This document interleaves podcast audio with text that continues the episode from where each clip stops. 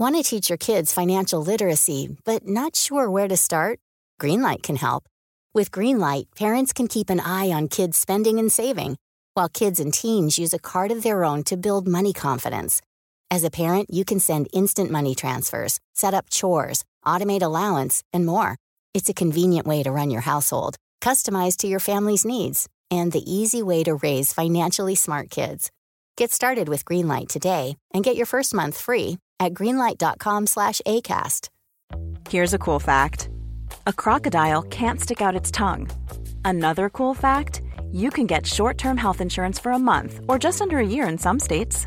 United Healthcare short term insurance plans are designed for people who are between jobs, coming off their parents' plan, or turning a side hustle into a full time gig. Underwritten by Golden Rule Insurance Company, they offer flexible, budget friendly coverage with access to a nationwide network of doctors and hospitals. Get more cool facts about United Healthcare short term plans at uh1.com. Ryan Reynolds here from Mint Mobile. With the price of just about everything going up during inflation, we thought we'd bring our prices down. So to help us, we brought in a reverse auctioneer, which is apparently a thing. Mint Mobile unlimited premium wireless. Ready to get 30, 30, bit to get 30, bit to get 20, 20, 20, bit to get 20, 20, bit to get 15, 15, 15, 15 just 15 bucks a month. So, Give it a try at mintmobile.com slash switch. $45 upfront for three months plus taxes and fees. Promo rate for new customers for limited time. Unlimited more than 40 gigabytes per month. Slows. Full terms at mintmobile.com.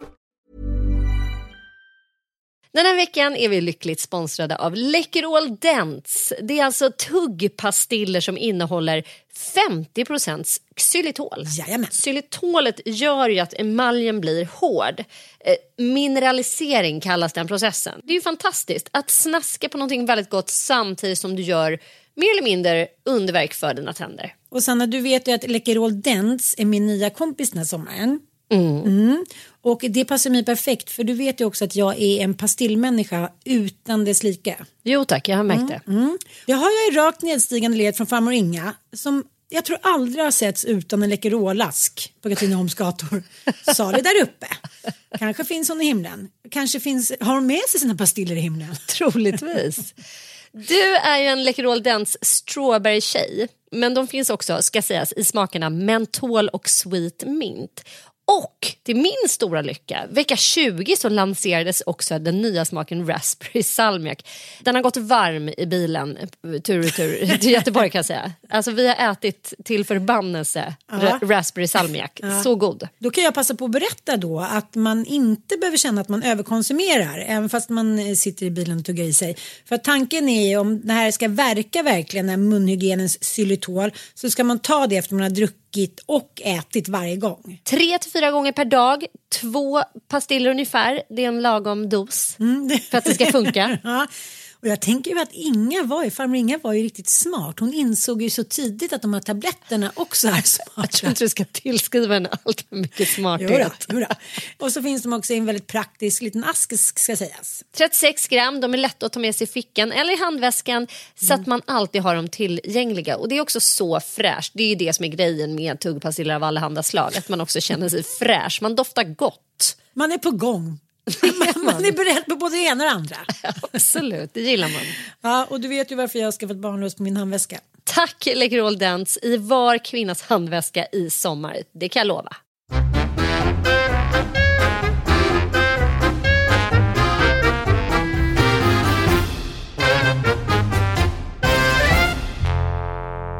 Varmt välkomna till Inte din morsa. Du är så gullig när du är bärs. Spelar du bärs. Jag har kapitulerat inför vädrets makter och eh, ja, jag sa just i en liten tv-inspelning som jag var med i, någon frågade så här, har du inte någon, det är, en- det är en så här hemma hos-program som, som kommer sändas här eh, inom en snar framtid. Där jag har visat då mitt hem och, och då frågade de ju inför eh, den här rundvandringen, har du en så här härlig walk-in closet, typ Camilla Läckberg? Då sa jag så här, nej, för det har jag ju inte, men eh, Ni har ju i och för sig en, en, liksom, en garderob man kan gå in i där Mickes t-shirts ligger. ja, men jag har ju också Sveriges eller kanske världens största samling av funktionskläder och myskläder och underställ i ull. Det Så det kan ni få titta på. Ja, var de intresserade av det? Det var de inte intresserade av. De Nej. tyckte inte det kändes så fancy. Men eh, det har ju jag. Och eh, jag, eh, jag är ju jag är som, som Elon. Jag gillar myskläder, jag vill ha mjuka saker mot kroppen. Ja. River du också bort lappar och sådär på...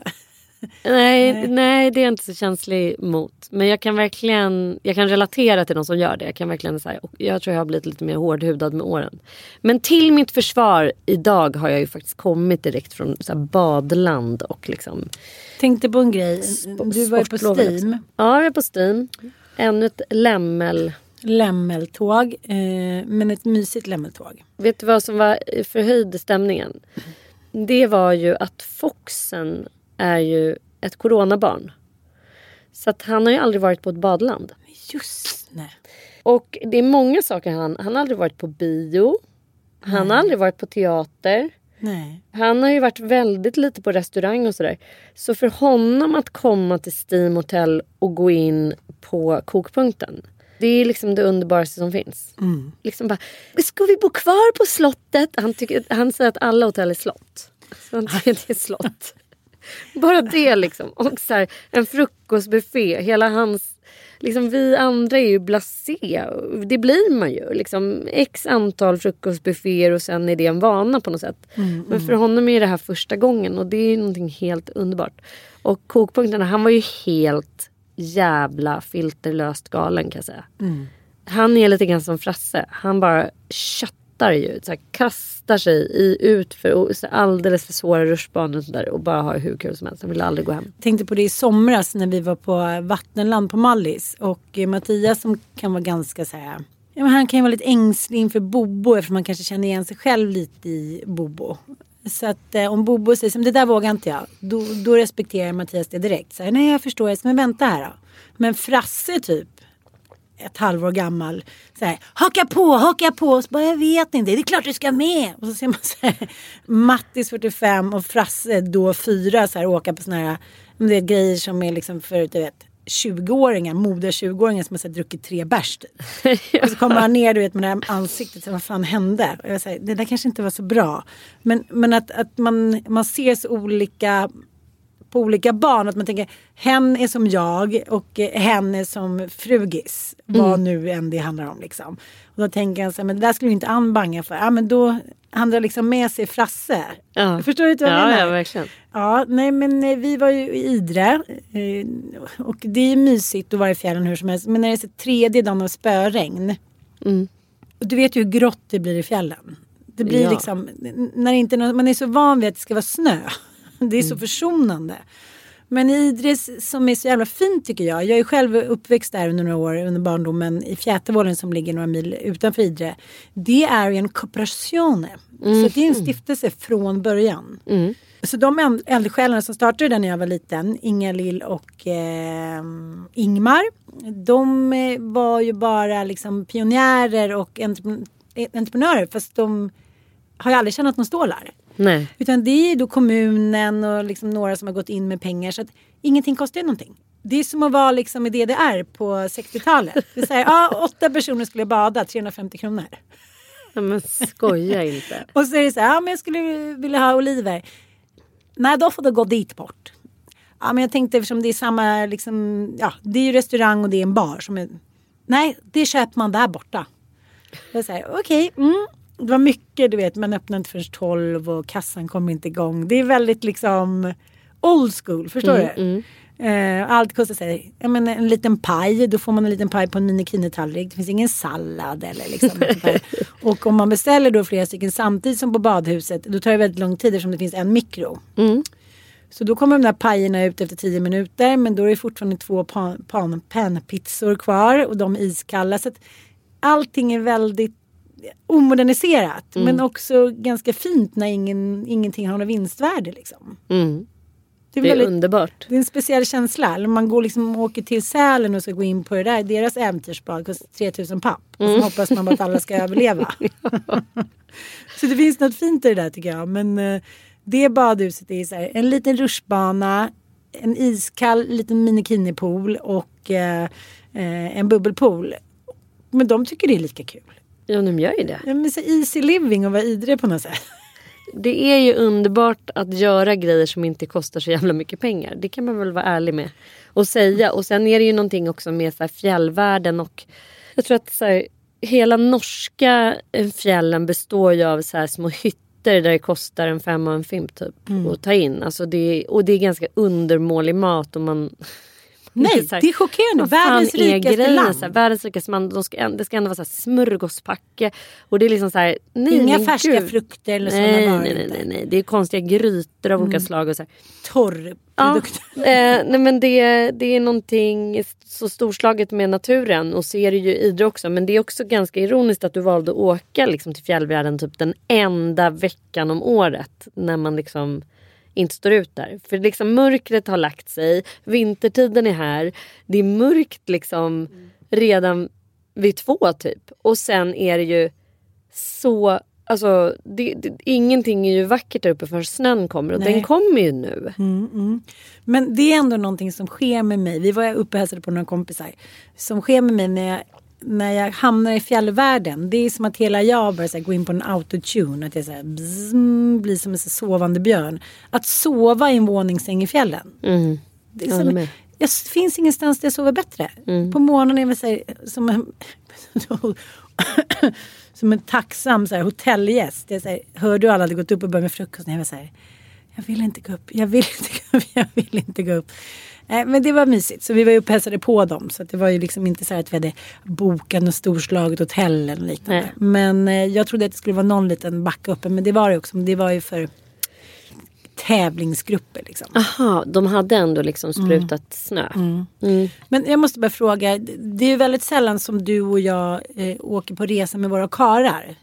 Det har ju aldrig skett. Utan det är ju du och jag som åker. Kanske någon gång att Mattis har varit med. Men jag tänker ändå så här. Tycker du att det är jobbigt att resa med Micke på sådana här ställen där det är mycket människor? Eller tycker du bara så ah, men jag är van. Jag bara tänkte att jag aldrig frågat dig det. Sto- stirrar alla hela tiden? Ja, det, det, jo det gör de. Fast liksom, nu- det, är, det är ett paradigmskifte som håller på att ske nu. För att nu är han ju så pass gammal så att yngre människor har ju typ inte sett Beck. Nej, nej det är sant. Men Hamilton har du sett tyvärr har de ju sett Sex Education. så att där är det så här, Jacob, Jacob. Så. Ja, Och det liksom räcker ju inte då med Sverige. Utan faktiskt i Frankrike så är det ju, alltså den där serien är ju så jävla tittad på runt om i hela världen, hela Europa framförallt. Så det, jo men det, folk känner ju igen honom men det tycker jag nog inte är så jobbigt. Alltså det är ju, nej jag tycker inte det är så jobbigt. Han De är. Han tycker väl att det är jobbigt. Alltså typ så här, han var ju med oss på Grönan. Men det är också roligt att han tror att han är så bra på att ha förklädnader. alltså Rävmössa. Ja men också att han har ju så här bipolär klädstil, det vill säga mycket färger. Så när han ska ha en förklädnad då blir det liksom så här, man tittar ju på eh, förklädnaden och sen bara, men gud, fy fan vilken galen mössa. Bara, men gud det är Mikael Persbrandt under den här mössan. Liksom. Så han är jättedålig på det. Men då kan han inte känna sig. Så han stod i morse och sa, ska jag ta på mig den här Hermes hatten eh, så jag har lite förklädnad. Och våra killar de garvar ju bara och tycker så här, men alltså gud, är han helt dum i huvudet som inte fattar någonting typ. Skulle du säga att han har bra klädsmak? Han är väldigt ombytlig. Han har ingen enhetlig stil. Nej, han körde nu har han kört lite som att köra en lite Elvis Hawaii. Lite blommiga Ja, men han, kan liksom alla, han har alla möjliga eh, olika stilar. Det, det är roligt. Multipla personligheter. Det kan jag också ha. ja, det kan Ja. du också. Jag Verkligen. kör och för sig väldigt mycket Men, han- mjukis jo, men, han, sen, jo, men jag tycker han har en bra stil. Han, han inser att han inte är purung så han går inte klädd som en tonåring. Nej. Eh, och nu hade han, han jag har ju tvingat honom att se Yellowstone. Och då hade han gått in och köpt lite Yellowstone, lite så Kevin Costner-kläder. så jävla underbart. Ja, han bara rollspelar. Jag bara tack älskling, tack. Jag har köpt en likadan bil nu som de hade i Yellowstone. Så att, eh, Jaha, han är mycket påverkad. Ja, han är mycket påverkad. Ja. Och har börjat rida. Oj, oj Mm. Två gånger i veckan får han ridlektioner nu. Multiple personality. Det här är min första spaning. Eller, alltså jag tycker det har varit en händelserik vecka. Men det här har lite grann tagit priset av brist på fucking idéer och så här brist på filter, brist på känsla för gränser. Det är alltså vår, alla, eh, vår allas älskade Madonna eh, Madame X som hon också kallar sig. Som har fotograferats av ingen mindre än Steven Klein för V Magazine. Och det här är ju då en intervju och en enormt påkostad plåtning som jag tror är stylad av Bea Åkerlund. Och idén, det har gjorts en liten film. Allt detta går att se då på Madonnas Instagram och i, förstås i tidningen. Jag tror att den har kommit ut. Och det har varit en enormt omtalad plåtning. Och man kan väl först och främst notera att Madonna är ju opererad till oigenkännlighet. Nej men det är inte hon, det är en annan kvinna. Ja, det är en människa gjord av plast i stort sett. Och, Det är en eh, docka tycker jag. Det är en docka och, och det är också så absurt att hon är så här, typ har fått en helt ny käklinje, att hon har fått så här, ett, en helt annan ansiktsform och eh, mycket kan man göra med retusch och, och, och sådär men det här är ju någonting annat. Liksom. Man ser ju att hon är eh, väldigt kraftigt opererad. Jag såg att Gynning hade skrivit så här Åh underbart, vems är hennes kirurg? Jag vill också ha Sjukt kul.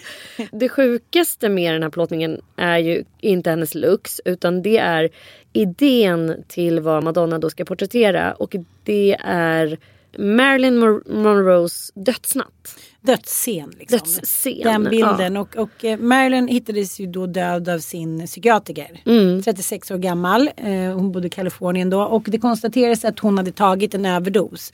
På en av bilderna eh, har ju också Madonna massa pillerburkar i bakgrunden. Ja, hon går runt i en så här vit päls, råsexig och het med så putande läppar. Och så ligger det liksom, står det massa pillerburkar på ett nattduksbord i bakgrunden. Men den värsta scenen är ju när hon ligger naken med nätstrumpor och högklackade Louboutin-skor i eh, sängen. Alltså hon ska spela lik helt enkelt på den bilden. Alltså hon ligger med röven mot eh, kameran och så här, är död liksom. Den här plåtningen och de här bilderna har ju rört upp mycket känslor. Alltså hon har ju fått motta enorma mängder hat. Men vem har släppt igenom idén? Den är så här på, liksom, okej om hon har petat i sig lite piller en kväll och så här, det här är en fin idé.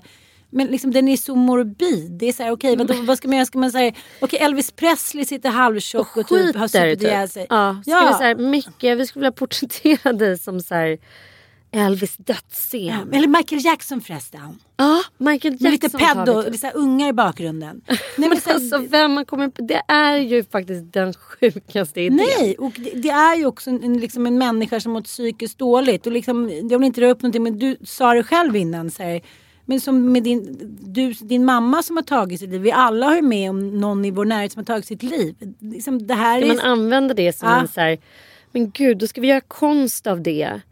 Nej jag tycker att det här är bland det sjukaste jag någonsin har sett i konstväg. Och jag kan, jag kan liksom inte heller förstå kopplingen. För det är inte heller uppenbart att man vill uppmärksamma Marilyn Monroes död. Eller att man vill uppmärksamma Marilyn Monroe, att det är något jubileum. Tragiska öde och varför? Nej, och Så här, Psykisk varför? ohälsa. Nej, någonting. det är bara för att hon ska vara snygg i en jävla Ja, päls. hon ska vara så sexig, sexigt, Sexigt lik. lik. typ. Och det säger också så sjukt mycket om så här. Det är en grej. Alltså jag har ju följt Madonnas Instagramkonto i, i flera år och så här, tycker ju någonstans att hon är lite härlig som vägrar att gå med på att sluta åld- eller att, att åldras och att sluta vara sexig. Men det är någonting så jävla eh, djupt eh, tragiskt med det också. För jag, det säger någonting som jag tror inte stämmer. För jag har ju själv jobbat i hemtjänsten med äldre människor och träffat en jävla massa gamla gummor och kvinnor i mina dagar som inte är ett dugg olyckliga och som inte ett dugg längtar tillbaka till att vara sexobjekt och så här 25 år gamla med, med fast röv och fasta brön. Som tycker så här, gud vad skönt att slippa det. Gud vad skönt. Mm. Eh, tro mig att så här, det finns ett liv efter att man har fast röv och fasta bröst. Men liksom, vad är det Madonna så krampaktigt... Jag har ju aldrig fast, haft fast röv. så kan ju också se ut. Liksom. Men vad, vad är det man så krampaktigt liksom håller sig fast vid? Att man absolut måste få vara det där sexobjektet. Hon har ju nu sprutat röven full också. Det vittnar ju hela hennes eh, Instagramkonto om. Jag tycker också att så här, hon som alltid brukar ha gått sin egen väg. Man bara, men gud hur eget är det att så här, spruta röven full med eh, silikon efter att Kim Kardashian-systrarna har gjort det i tio år. Jag tycker att man skapar Kom du här- på det nu? Jag Alltså- tycker att det också är morbid att man skapar sig, man skapar sig själv som ett levande lik.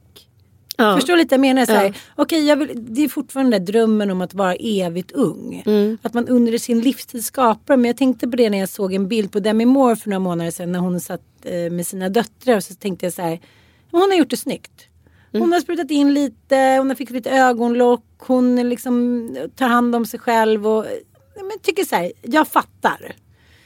Och sen så går det liksom några månader och så kommer de här bilderna från eh, Paris då, catwalk. När hon har liksom, nej jag vet inte ens vad hon har gjort. Alltså, jag vet inte ens hur man får de där kattkinderna och... och Hon har jag, gjort någon sån här joker, någon sån här tråddragning som ah, bara ser helt ut som, nej men helt freakad. nej, men det vet du ju själv när man sitter och käkar middag med någon som har gjort för mycket eller har för stora läppar eller någonting. Det går ju inte att tänka bort människan från det plastiga. Jag vet inte om 50 år så kanske alla ser ut sådär men det går inte för mig att sluta tänka på det. Nej. Det är som vissa skådisar som är så här superbriljanta och så fixar de någonting med munnen. Då är det enda jag tänker så här. Hon har fixat munnen, hon har fixat munnen, hon har fixat munnen. Och jag tar en sån briljant skådis som Nicole Kidman. Som jag liksom högaktar och tycker är så jävla bra. Men 90% av tiden så tänker jag på så här, men det där är ju inte en äkta känsla. Så där kan man ju inte se ut när man är kåt. Så där kan man ju inte se ut när man är arg. För man ser hela tiden likadan ut. Man är lite grisglad. Det är ett stycke av eh, det mest bizarra konstnärliga tolkningar av någonting. Alltså jag kan inte förstå hur man ens har kommit på något så morbid eh, som göra det här och något så e- episkt respektlöst. Jag vet inte om det handlar om att Marilyn Monroe inte har några efterlevande. Men tack gode gud för det. Ja, tack gode gud Ja, för det. De liksom. kanske har resonerat så att det finns inga barn som kan... Men det är ändå skända en människa som har mått psykiskt dåligt och därför valt att avsluta sitt liv. Jag tror att det kanske, för jag tänker så här, okej men om man hade valt så här Kleopatras dödsscen. Ja. Eh, ja men fine gör det då. Men hon var också en så här queen of fucking everything och hon har ju inte heller så här. Det har väl gjorts massa sådana konstnärliga pastischer. Bada getmjölk gjorde väl typ Naomi Campbell tror jag. Alltså, ja man har valt liksom historiska personer och porträtterat delar av deras liv och tyckt att det har varit kul. Lite som Marie Antoinette och alltså hela, hela modevärlden har väl lekt med sånt tänker jag. Men det här är ta mig fan det sjukaste. Finns det någon annan? och- och- Välj en död som du då skulle få göra en modeplåtning i.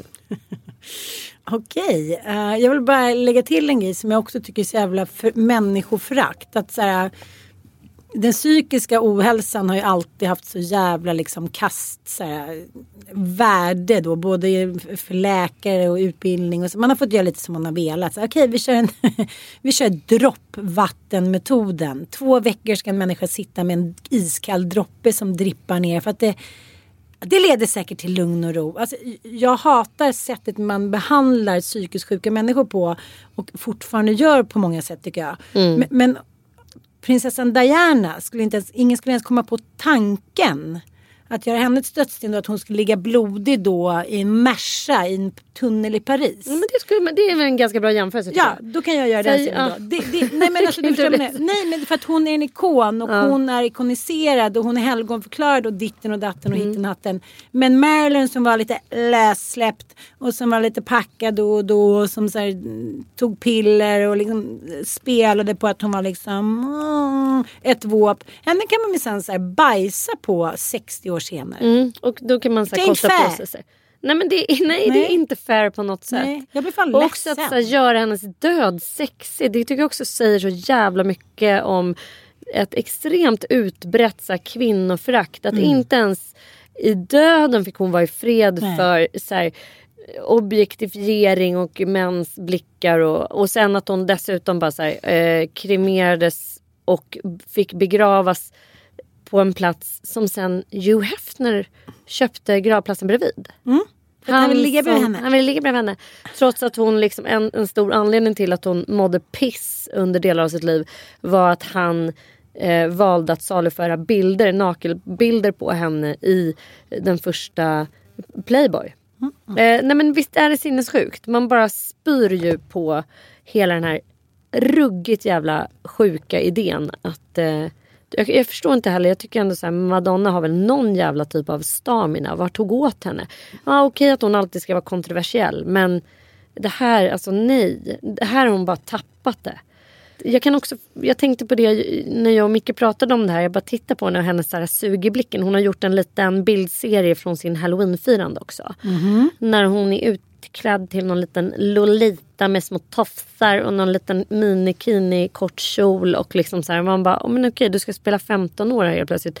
Och det är så mycket liksom röv, tits, hennes unga kille. Alltså hon, hon frossar i, i sexualitet på något sätt. Och eh, ja, jag vill inte missunna en 62-taggare att Fan, vad känna sig sexig fortsätta tycka och att det är vara kåt och sådär. Men att så här, man bara, men, men det måste ju handla om kommersen. Att hon eh, vet att sex säljer. Ja. Eh, och det gör ju det. Alltså, Ja. Men vad, liksom, hon tänker så här, vad ska jag nu, vad ska jag då ändra? Ska jag sätta på mig liksom en vanlig svart klänning? Alltså hon vet att så här, hon kanske inte tänker, hon kanske tänker så här, jag har inget annat att gå tillbaka till. Vad ska hon göra? Hela hennes liv har bestått av att eh, objektifiera sig och sexualisera sig och hävda någon form av så här, feminism i att hon har valt det här själv och att så här, jag har en strong sexuality. Typ jag knullar vem jag vill och hur jag vill. Jag vet inte. Men är det bara för Eh. att så här, alltid när man kollar på så här, kändisar med hög IQ, då dyker ju hon upp. Mm. Har väldigt hög IQ. Och Dolph Lundgren då, extrem. Och Dolph Lundgren har ju enligt de här kändissajterna högre IQ än Einstein. Nej! Snälla rädda världen åt oss då. Ja. Vad händer? Kan du inte börja använda hjärnan? Om du har använt så- musklerna men han, är så superingenjör och sådär. Men gud vad Men roligt. Det är ändå så roligt att eh, ja, men Madonna anses också ha väldigt hög IQ. och Sådär.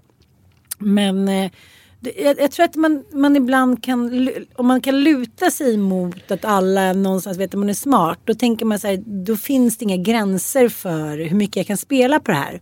Men jag bara tycker att det verkar så jävla jobbigt. Eller också så här, gud vad skönt. Jag vill också vara sådär kåt. Jag har typ inte varit sådär kåt sedan jag var 16 som hon framstår som hon är hela tiden.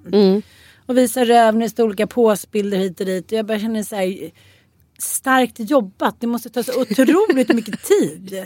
Jag försökte ju ta någon bild när jag var lite sexig. Det, det kräver ju mycket. Man måste så bygga upp någon bild av sig själv. Man måste ha något litet tuttiluttisar som hänger och skakar.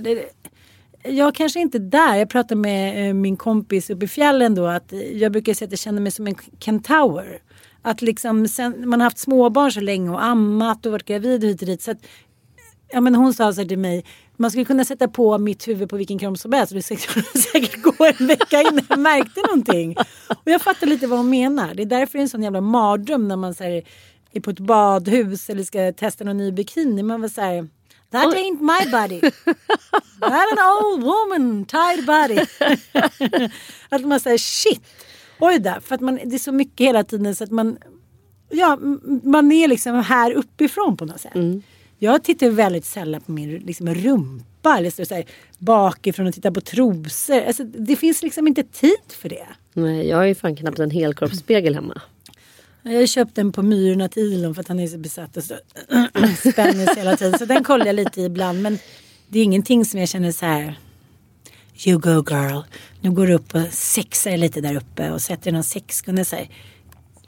Lite trist. Det kanske Det är möjligt att man får tänka sig att Madonna tar det här ett steg längre för att hon ändå så ägt eh, den här marknaden att sälja via sexiness eh, sen hon var liksom goa 20 år. Och Men tänker, finns det människor som tänker så här mycket på att de ska se sexiga ut och vara sexiga? Är det verkligen så? Alltså, det känns helt hon, har, jag menar det hon har ju gjort det till en karriär och ett yrke.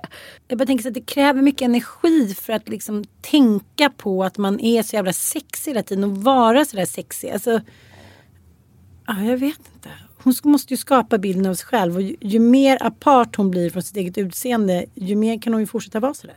Ja, Det vet och man ju själv samtidigt man- så är man ju så här, men vad fan, kan någon gö- göra en intervju med Madonna som handlar om det här och inte liksom en 12 sidor lång tolkning av Marilyn Monroes dödsnatt Mm. och någon jävla intetsägande intervju om hennes musik. Jag vill Mm. liksom veta jag vill veta vad det är som gör att hon är så besatt av sitt eget utseende och har blivit nu eh, på ålderns höst besatt av att operera sig och att så här, evig ungdom och förhålla sig till evig ungdom och sånt där. Det är, det, det är i alla fall det jag är intresserad av att läsa om.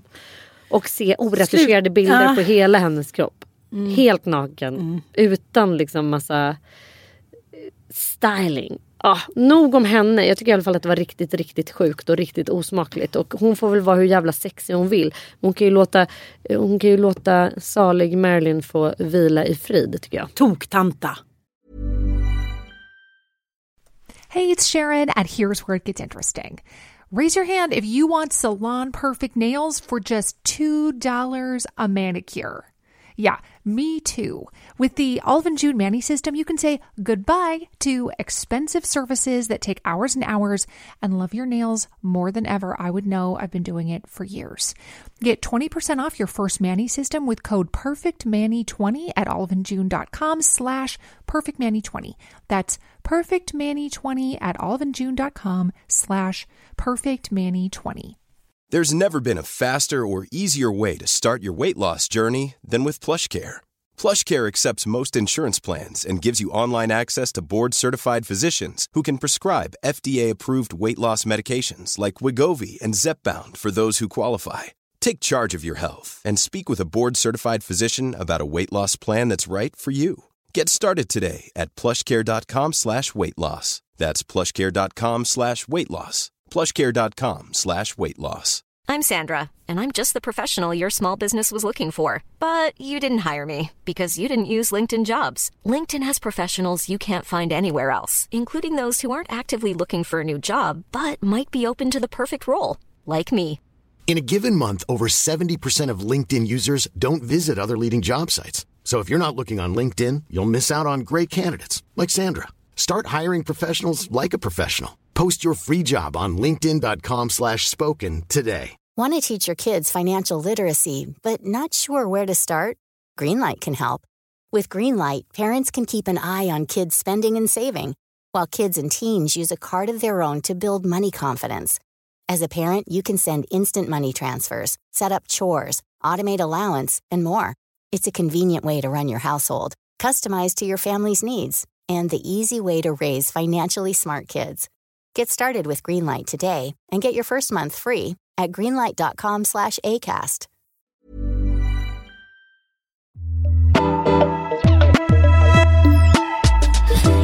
Ja, psykisk ohälsa eh, går ofta hand i hand med eh, beroende och missbruk. Mm, det kan det ju göra. Och sen behöver det absolut inte alls göra det. Men, men ofta, ofta går det hand i hand. Och eh, nu är det ju så här att Mia Skäringer som jag har blandade känslor för. Allt det har haft. Jag tycker ofta hon gör helt fantastiska grejer. Men sen gör hon grejer ibland som jag stör mig väldigt hårt på. Som jag tänker så här. Åh gud fan. Därför, alltså det förstör min relation till henne lite grann. Och ofta är det när hon förenklar saker. Och det det är en generell störningspunkt i mitt liv. Så här väldigt smarta människor som ändå väljer att göra alldeles för enkla analyser. Det irriterar mig. Jag tänker att hon är liksom mycket, mycket smartare än så. Och hon har ju då eh, ett återkommande så här, analysgrepp. Och det är där hon plockar liksom en film eller en teaterscen eller en pjäs eller någonting. Och, och så lyfter hon upp det och så säger hon så här, "Ah, men tänk om man skulle välja att stoppa in kvinnor i de här rollerna. Kolla vad sjukt det skulle bli då. Och då har hon gjort, eller hon har låtit sin då karaktär Tabita göra Det gör ju vi också i och för sig då och då. det gör vi också då och Alltså, då. Jag säger inte att det är ett nej, det är ett värdelöst... tacksamt sätt. Det är tacksamt och det kan vara jätteroligt och det kan vara jävligt upplysande också. På massor med olika sätt. Men just i det här, eh, i det här sammanhanget så tyckte jag att det blev så himla fel. Eh, jag är också som ni märker eh, hård konsument av Instagram. Det är ju så på höstlovsveckor. eller hela Inte tiden i mitt liv. porr utan av Instagram. Ja, jag är på Instagram mer. Porren får du stå för. you wish. I wish alltså. Nej, men hon, hon har låtit sin karaktär Tabita då göra en liten recension av filmen Druck. Oscars, eh, Danmarks då Oscarsvinnande film eh, som ju på svenska heter En runda till. Och Mats Mikkelsen spelar i huvudrollen och det är Thomas Winterberg som har regisserat den här filmen och skrivit manus. Det handlar om ett eh, gäng eh, polare, ett polargäng som eh, lever ett ganska så trist eh, medelålders svenssonliv i Danmark. Och, Trist, alltså ett vanligt. Ja men ett helt vanligt. Ja, ja. Mats Mikkelsen spelar en liksom extremt uttråkad lärare i en skola på ett jävligt trovärdigt sätt måste jag säga. Alltså Det eleverna inget fel på skådespeleriet det är inte. Nej det är det inte. Det har aldrig varit. Men han, eh, killgänget började diskutera eh, hur, hur livet skulle te sig om det inte skulle bli bra mycket roligare om de höll sig till den här magiska ja, jag vet inte om det var 0,5 eller 0,8 promilles gränsen i blodet hela tiden. Och, det är en eh, danspsykolog som, eller läkare som har kommit, kommit upp med den idén. Ja men det är att så här, vi saknar eh, 0,5 promille för att eh, liksom bli så pass glada som vi egentligen borde vara. Typ. Ja. Och då bestämmer de sig för att testa det här. Och det börjar ju som ett experiment. Och de försöker ju verkligen hålla sig. Så de har ju så här blås alkomätare för att kunna hålla det på exakta promillegränsen. Och, du vet, de får ju gå in och så här småhutta på jobbet och, för att kunna hålla det här. Och det händer ju då magiska grejer med dem, tycker de. Liksom, Mats karaktär blir så mycket lyckligare. Han blir så mycket mer eh, inspirerande och entusiasmerande som lärare. Hans elever börjar plötsligt tycka att han är fantastisk. Och ja, hela hans liv blir mer eller mindre liksom, underbart. Eh, och grabbarna är glada. Det här lilla grabbgänget. Liksom. Det, experimentet börjar bra. Det gör jag ofta. Mm, som det ofta gör. Liksom. Och sen eh, börjar det ju såklart spåra ur. För att eh, jag menar precis som det ser ut i eh, hela världen så 10% av alla människor klarar liksom inte av att eh, hålla sig eh, till att dricka lagom utan de allra flesta vill ha mer. Och eh, dessutom så blir du ju tillvand så efter liksom en månad på 0,5 promille så känns inte 0,5. Då måste du liksom öka dosen ja, och så vidare. Och så vidare. Och det händer en jävla massa i det här eh, experimentet. Liksom. Folk som eh, går käpprätt in i så här, alkoholistmörkret. Det slutar liksom med, spoiler alert här, men liksom ond bråd död för liksom en av de här killarna. Och eh, ja, liksom skilsmässor. You name it. Allt, eh, allt det här som vi ser kring oss eh, hela tiden som alkoholen ställer till det med i eh, allas våra liv. Liksom. Eh, Så jag tycker ju att den här filmen är så här, jag måste säga så här, jag tycker inte att den kanske var så här top de la crème bra. Liksom. Ingen, ingen Oscarsvinnare. Nej, jag tycker inte Nej. att det kändes som en Oscarsvinnare. Men samtidigt så är den ju sjukt intressant. Ja. Därför att han så här, tar ett ganska också nytt och eh, amoraliskt grepp om så, alkoholfrågan som vi alla har en så här vi har ju mer eller mindre eh, hatkärlek och alkoholromantiken flödar i hela vårt land. Alltså det, det här är en kontroversiell fråga. Man både, vissa älskar alkohol, andra hatar den och, och så vidare. Men Mia Skäringer då väljer att eh, titta på den här filmen med så här, feministögon och eh, tycker att det vore roligt om man då bytte, eller hon, hon menar då att så här, om man bytte ut hela den här rolllistan och stoppade in kvinnor. Om vi bytte ut alla karaktärer så att det varit så här, småbarnsmammor och kvinnliga lärare. Då vet vi allihopa att de skulle ha förlorat jobbet för länge sedan och de skulle liksom ha blivit av med sina barn och SOS skulle ha kommit. Och, alltså hon vill exemplifiera eh, liksom orättvisorna kring könen genom att titta på den här filmen och hon ondgör sig över att liksom så här, det är en manlig manusförfattare, det är en manlig regissör, det är fem manliga huvudroller och det är liksom så här, till och med deras drickande ska man sitta och garva åt typ. Eh, Jag fattar. Ja, men du fattar. Och jag tycker ju att det här är en alldeles eh, för enkel analys och jag tycker också att det är en så här, men det är en onödig jävla analys. För det första så känner inte jag att det stämmer. Alltså jag och Micke pratade om det här. Bara, alltså, nej, men jag har ju själv en mamma som hade eh, periodvis alkoholproblem. Det, så ska de ju inte. Nej, det var ingen Alltså, jag, jag har haft så mycket kvinnliga överkonsumenter och eh, så här, utlevande kvinnor kring mig. Förstår du? Så där SOS kanske borde ha kommit men där de inte har gjort det. Jag har liksom sett det från nära håll, jag har sett det, jag ser det kring mig. Jag tycker verkligen inte riktigt att det stämmer. Det är att så här, beskriva sanningen felaktigt. Mm, mm. Tyvärr är det så att folk i vårt avlånga land, det finns lika många kvinnliga missbrukare som det finns manliga. Och eh, det, finns precis lika, alltså det är precis lika jobbigt att ha en alkad morsa som att ha en alkad farsa.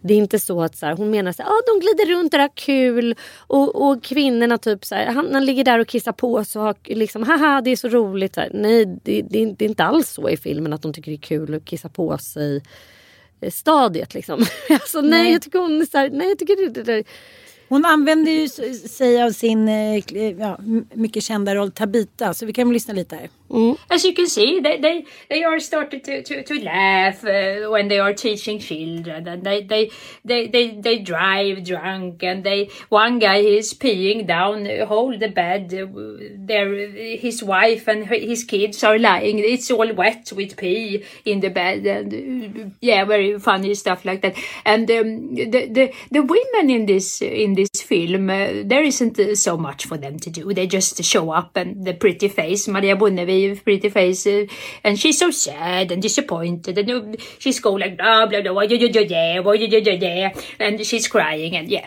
he, he doesn't really understand uh, until the film ends that she's really disappointed and he wants her back, and it's too late, and yeah, but the, the in the in the end, the, this white dude this uh, Danish actor. He's, he's happy, he's dancing around. Oh yeah, the, the life is good. So.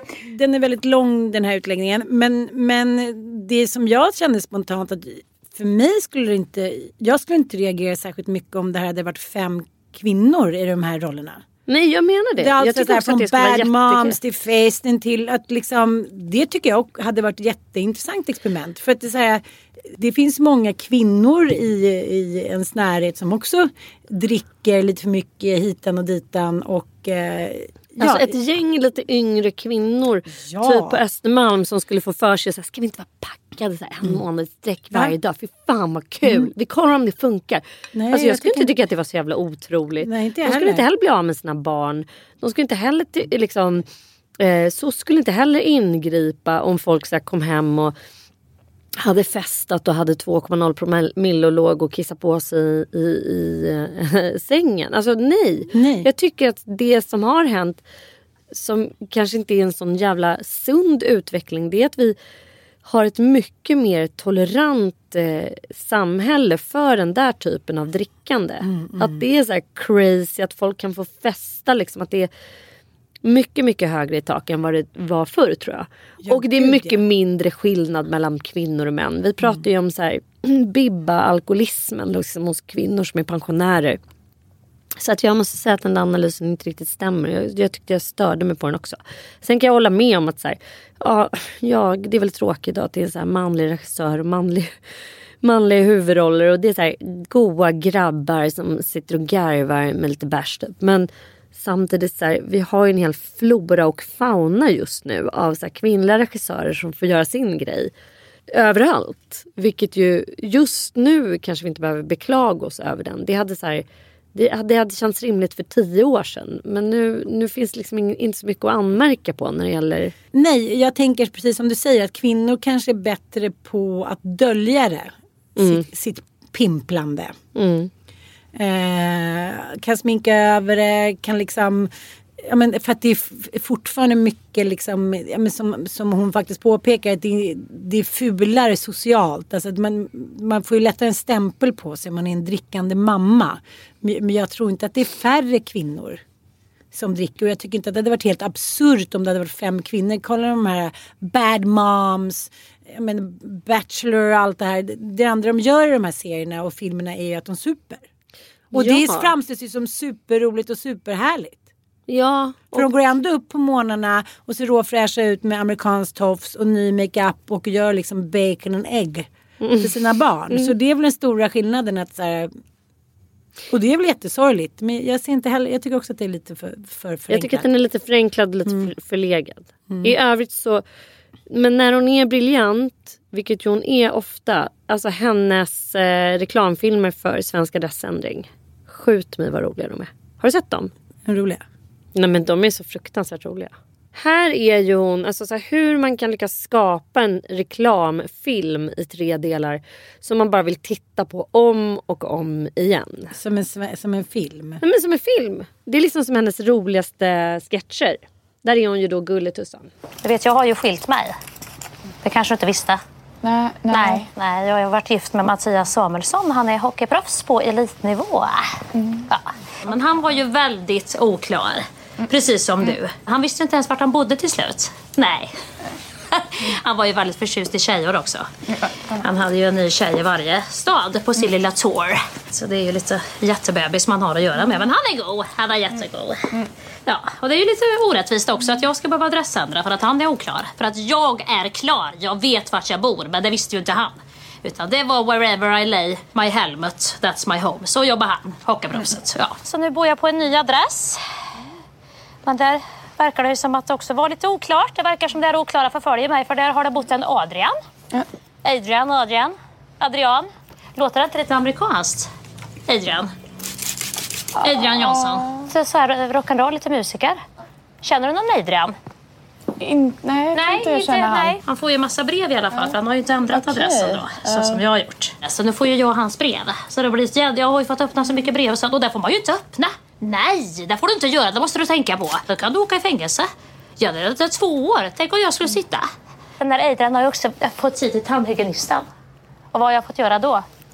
Ja, Jag har fått ringt och ändrat den här tiden. Där är hon ju bara helt underbar. Ja, helt underbar. Och eh, det, det är ändå också så roligt med att man identifierar sig med någonting. Eh, att man fortsätter älska någon som varit dum. Det är lite rörande där tycker jag med Tabita. Mm, det- Så känner inte jag med mitt ex. Men, men apropå det så var ju jag med eh, min eh, Bobo till tandläkaren idag. Lite, lite sena. Eh, fick ingen parkering för jag var inne i stan. Jag har då inte bytt tandläkare då. Jag tänkte så här, inne i stan så kanske det är lite finare. Hur det ska bli, han har haft väldigt ont i tanden. och eh, han har haft, alltså för två år sedan när jag var hos tandläkare så var det på gång med ett litet hål. Och, men då tänkte jag att det skulle borstas bort. Det har det inte gjort. Utan Bobo har varit det är så ont och gråtit. Så här, men gud. Sluta shoppa nu borstar vi lite där bara. Men eh, så kommer vi in och sätter oss och kollar på guldfiskar och väntar på att det är vår tur. Och då kommer det ut en mamma med sin son och är så jävla upprörd. För då ska den här sonen, då han ska göra någon form av operation för att rätta till tänderna. Och eh, mamman säger då till, eh, till hon som sitter i receptionen. Hon bara säger, jag är ledsen jag är så jävla upprörd.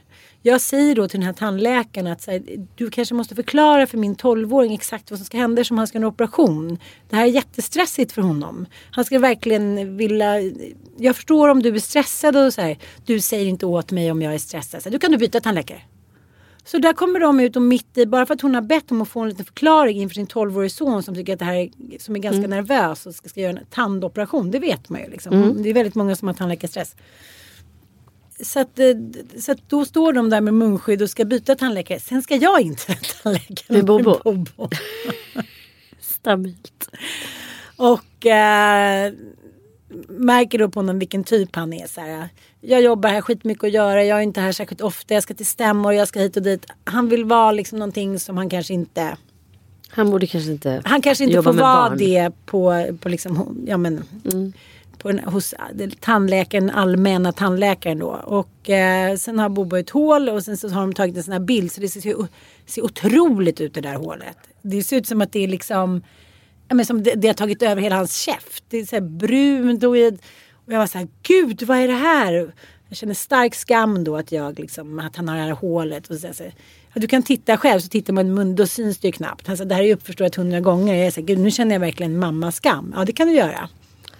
Jaha, men sen, så- men sen så blir han lite snällare. Så, det är olika. Har du fler barn? Och så här, ja, jag har fem barn. Och, ja, de ska ha sitt och din man ska ha sitt. Allting blir... så, är det för hela Nej, alltså very special tandläkare. Och eh, ja, det är olika från barn till barn. Så nu ska han liksom börja trösta mig. Och sen så ska vi ha ny tandläkartid och nu tycker jag att det här är lite roligt för nu är liksom en liten, det blir en intellektuell liten kamp mellan oss. För att jag gillar ju honom lite också för att han är så ah, 17 november ska, nej har, jag har ingen tid förrän 17 december. Du säger så, men gud ska han gå omkring med den där krämen på tanden? Ja det ska nog funka. Han vill liksom inte vara, han vill säga jag gör mitt jobb. Mm, det är jag som bestämmer här. Och jag vet också vad som är rätt. Om jag ger honom lite kräm som smakar tuttifrutti. Då räknar jag med att det kommer hålla. Jaha säger jag, men gör det då på alla barn? Och säger, ja det är inte säkert. Okej, och sen så, men du kan ju byta tid. Du kan ju gå till någon annan tandläkare. Men det vill, det vill jag ju inte då. jag är förälskad tandläkare. Och så är jag ju också charm- charmig. Han är väl liksom en, någon form av narcissist. Psykopat. Ja. Ja. Så det slutar med att då ska, bara för att vi ska gå tillbaka till honom för att jag nog ändå känner att jag litar på honom. På något konstigt sätt. Ska vi tillbaka dit den 17 december. Men nu när, när jag har pratat om honom här så tänkte jag när jag kom ut ifrån. Men, men är du dum? Du får väl byta till Bromma då så får ni komma nästa vecka. Nej jag har inte tid förrän då. Men då kan du ta någon annan här. Ja, för, för jag, jag, då ska jag på stämma. Och jag är inte här särskilt ofta. Så vet, han kör den där management by fear som man också... Avvisande stilen. Ja. Så man bara vill ha honom. Ja, och så medberoende själ. Jag bara, men då tycker jag då väntar vi till 17 december. För jag litar på dig säger jag. Som någon jävla liksom som att han var någon jävla rockstar. Du vet jag föraktar mig själv så mycket när jag var därifrån. Jag var så här, jag köpte 17 eltandborstar. Bara ringde till Bromma tandläkare. Men det är inte märkligt med den här typen av människor. Jo det är det. Alltså, de är så manipulerande bara man är där i fyra minuter. Mm. Han säger, nu tyckte jag ju, han övertygade mig om att han var Sveriges bästa tandläkare. Mm. Det är är en- väldigt obehagligt. Det där Ja. är en typ av människor som när man hamnar i klorna på dem, när man blir så här Ja men som du säger, man, får ju någon, man blir som så här, hypnotiserad av dem. Ja. Så här, Sir Väs Ja. personlighet plötsligt. Och så ganska snygg, Man bara, perfekt ja. yttre, glittrande ögon. Mm. Ja. En sann narcissist. Mm. Sen kommer han ju höra av sig här om några veckor och säga att det där blir uppskjutet. Jag är hos någon annan. Fick du tid i Bromma? Ja, jag, jag skulle ringa dit men jag var tvungen att, eh, vad heter det, klassa honom där eller vad heter det, skriva in honom på Bromma tandläkare. Men jag gick ut därifrån och jag bara tänkte så här, det är fascinerande hur snabbt någon kan få en i sitt, sitt tandläkargarn. ja. Och nu är jag som sekundärskam för ingen, ingen av mina andra barn har haft något hål. Mm. Gud, jag kände verkligen så här stark skam. Mm. Skrev till Mattias, nu räcker det. Nu, nu är det fokus på barnen. Han var så här, vad är det? Ska jag bara, nu är det, nu är det är mer tjafs mellan oss utan nu, nu är det fokus på barnen och deras hälsa. Han var så här, Men det är ju väldigt eh, Det är ju väldigt olika med olika barn. Jag har ju själv tre sö- söner med sockertorsken Micke Persbrandt. Ja. Och alla de tre har ju haft dålig tandhälsa. Liksom. Mm. Dålig emalj, jättemycket hål i sina mjölktänder. Men inte i sina permanenta tänder. Inte ett enda hål. Och med Olga så har det ju aldrig varit ett enda hål någonsin. Liksom. Och de har inte någon annan kosthållning än, än liksom så. Men Foxen har ju varit exceptionellt. Han fick ju liksom en någon typ av emaljskada liksom på sina tänder. Men apropå det här med skam, att bli så här skammad som förälder. Eh, för han har ju då också upparbetat någon typ av tandläkarskräck. Och det började ju med när han var liten när vi skulle borsta hans då små pyttiga tänder. Och eh, det ilade. Och då fick vi ju inte borsta mer. Så han har ju knipit käft och skrikit som en galning. Och man har ju känt så här, vad är jag för galen människa som ska, tvinga in en tandborste? Det går inte, jag kan inte liksom gambla med det. Det blir en för absurd situation med ens barn. Eh, liksom. Så jag bara tänkte så här, nej men det, det, det får vara så här tills det här går över. För att han har en sån personlighet som har väldigt integritet och tycker det är väldigt jobbigt med att borsta håret och han tycker det är skitjobbigt med att klippa naglarna och allt sånt där. Men då fick han ju gå till specialisttandläkare. Mhm. Så då har vi varit på så specialisttandvård eh, för barn eh, på Huddinge. Vilket ju var så fantastiskt. Det är lugn musik. Det är så tandsköterskor som är så här hur jävla gulliga och snälla som helst. Och bara... är de utklädda till barnfigurer? Nej men det är typ hela, det är, så här, det är som ett eh, lekland att komma dit. Alltså de har kommit så långt i så här, tandvårdsrädsla och att ge barn en bra upplevelse som Mm. har den här typen av rädsla. Liksom. och eh, han, eh, alltså jag var chockad över hur de förmådde honom att både öppna munnen och eh, låta sig undersökas. Men Sen var det ju då, jag bara, jag tror att han har en emaljskada på de här framtänderna. Det, skulle hon ju ta ur mig. Det var ingen emaljskada. Det här är eh, amningsrelaterad karies. Vi kallade det här för flask, fla, eller typ så här vällingkaries förr i tiden. Men du har långtidsammat va? Eh, ja, det har jag gjort. Nattetid? Ja, det har jag gjort. Det här är amningsrelaterad karies. Va? Alltså man ska, Aldrig inte, man ska inte hålla på och amma på natten. Jag bara, nej. Okej, så här. Och jag, eh, jag tror fortfarande inte på det här. Jag har ju liksom ammat mina tre pojkar och ingen har haft den här typen av så här emaljskada. Eh, och eh, ändå så är det då, då ska jag liksom skammas för att jag har ammat min eh, son då nattetid. Men när han har fått sina... Nådde det dig? Kände du dig skammad? Nej, jag vägrade ta in det. För jag bara kände att det här är för dumt. För det första var hon så mycket yngre än mig. Och för det andra så kände jag bara så här, nej. Men liksom, du kan inte bara sitta och... Så här, det, här, det är emot alla vetenskapliga råd när det gäller amning. Men du som är då tandläkare ska nu så här, gå emot resten av, så här, resten av expertisen när det gäller hur man liksom ska amma sitt barn. Gud, jag måste googla det. Vad kallar du det för? Amningsrelaterad karies. Eller det kan, hon, det är liksom, förut har det gått under ett annat namn och det är när man har givit sin- sina barn, liksom flaskmatat sina barn som man gör på nätterna då. Och då när de har fått sina tänder, alltså långtidsammar man så ammar man ju efter att barnen har fått sina tänder. Och då får de karies enligt henne. För att man inte skölj, borstar deras tänder emellan liksom amning och nattning. Ja, men det måste jag kolla. Eh, ja, men det var helt nytt för mig. Men också den där grejen att så här, man skulle då läxas upp som förälder. Att man inte har gjort så att säga jobbet. Och eh, jag, jag, jag tycker det är så djupt liksom o... eh, Det är, en, det är en metod som inte funkar. Det har vi återkommit till flera gånger här i podden. Att så här, få människor att skämmas är faktiskt absolut ingenting som funkar. När jag läser då amning, när jag, när jag googlar på amning och kariesrisk så kommer det ju upp ganska mycket då. Senast då från 2020 avdelning för pedodonti Umeå, en övertandläkare. Ditt barns dåliga tandhälsa orsakas av att du fortfarande ammar. Jaha, Ja. eh, Du ser, det här är sjukt. Men det, han skrev det som ett påstående då. Eh, andelen mödrar som ammar varierar över tid. Under de senaste åren har frekvensen gått ner. 2018 ammades drygt 63 procent av barnen. Bla bla bla. Tidigare studier från 1930 och 1940-talet på grupper där barn endast ammades och inte fick någon annan form av näring, vissa till tre års ålder, visar mycket liten förekomst av karies. Då så. Mm, då så. Shut up! Shut the fuck Rachel. up you. Ja, nej, men riktigt, riktigt eh, eh, störigt. Också när man vet. Jag ser ju hur hans tänder ser ut. Jag har ju sett dem från att han föddes när de här tänderna debuterade. Och de redan då ilade. Och det finns liksom massor med eh, studier som visar att om man har haft förkylningsvirus under vissa veckor under graviditeten så kan man liksom födas med olika typer av emaljskador. Då skulle hon vara så här, nej det är inte såna här skador. Det emaljskador ser ut så här. Så visade hon liksom en bild. Jag bara, mm. Men de kan också se ut så här. Då kan jag upp en annan bild. Men eh, jag men tänker riktigt- att tvinga någon. eh, Jag kommer ihåg att Manne la upp någonting för några år sedan. Manne Forsberg, en kollega, där han har pappapodden bland annat. Där han var så här, jag, hur gör ni? Jag, så här, jag tvingar mina barn, det här är det jobbigaste jag vet. Men så här, även om de skriker så borstar jag deras tänder typ två minuter. Jag var så här, men, men eh, Bobo är inga problem. Men, men Frasse är ju lite som Foxen. Så här. Han tycker att det är så jobbigt att borsta tänderna. Mm. Men jag, jag öppnar hans käft och trycker in den alltså. Gör det? Ja, det. Och är- men det sker ju inte varje dag och det är inga så här tre minuter men liksom Ja, jag vet inte.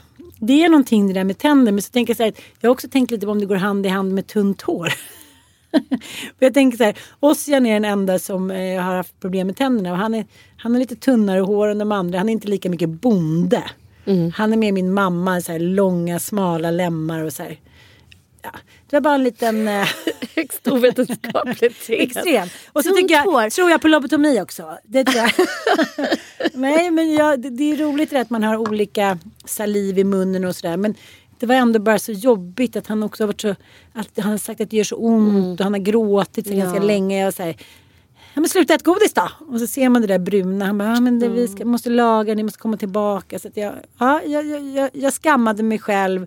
Och då när jag blev skammade själv, då kände, eh, då blev liksom eh, den här psykopattandläkaren, då kände jag nu, nu har han matchning här. Nej men jag kände det. Ja. Att liksom vi, han höll på med mig. Ja, Alltså, vi höll på med varandra. bara, Ja. Skäms med dig. Skäms. Ja, och jag så- såg ju också Bobo hörde ju den här för den här mamman var ju jätteupprörd. Så han satt ju där ute med Frans och var så här. Hur gör man nu? Nu ska vi till gå in till någon annan tandläkare och sen så bara, då fick vi gå in. jag var så här, det är inte samma tandläkare Bobo. Så bara, ja, det var ett ganska speciellt namn också. mm, intressant. Mycket Intressant. intressant. Fortsättning följer. Mycket. Mm, Ja. Trevligt. Ja, kära lyssnare. Ja, det var allt för den här veckan. Det var det. Och eh, vi, vi syns. Vi ha, hörs. Ha det så himla bra. Och eh, skamning, inte bra. Inte bra, aldrig bra. Nej, puss och kram. Puss puss.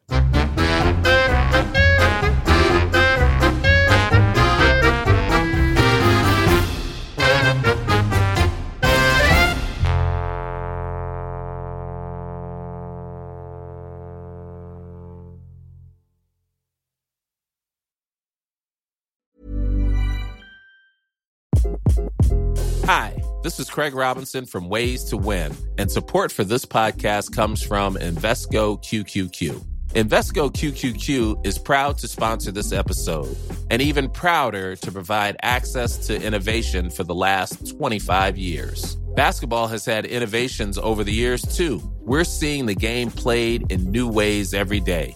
Learn more at Invesco.com slash QQQ. Let's rethink possibility. Invesco Distributors, Inc.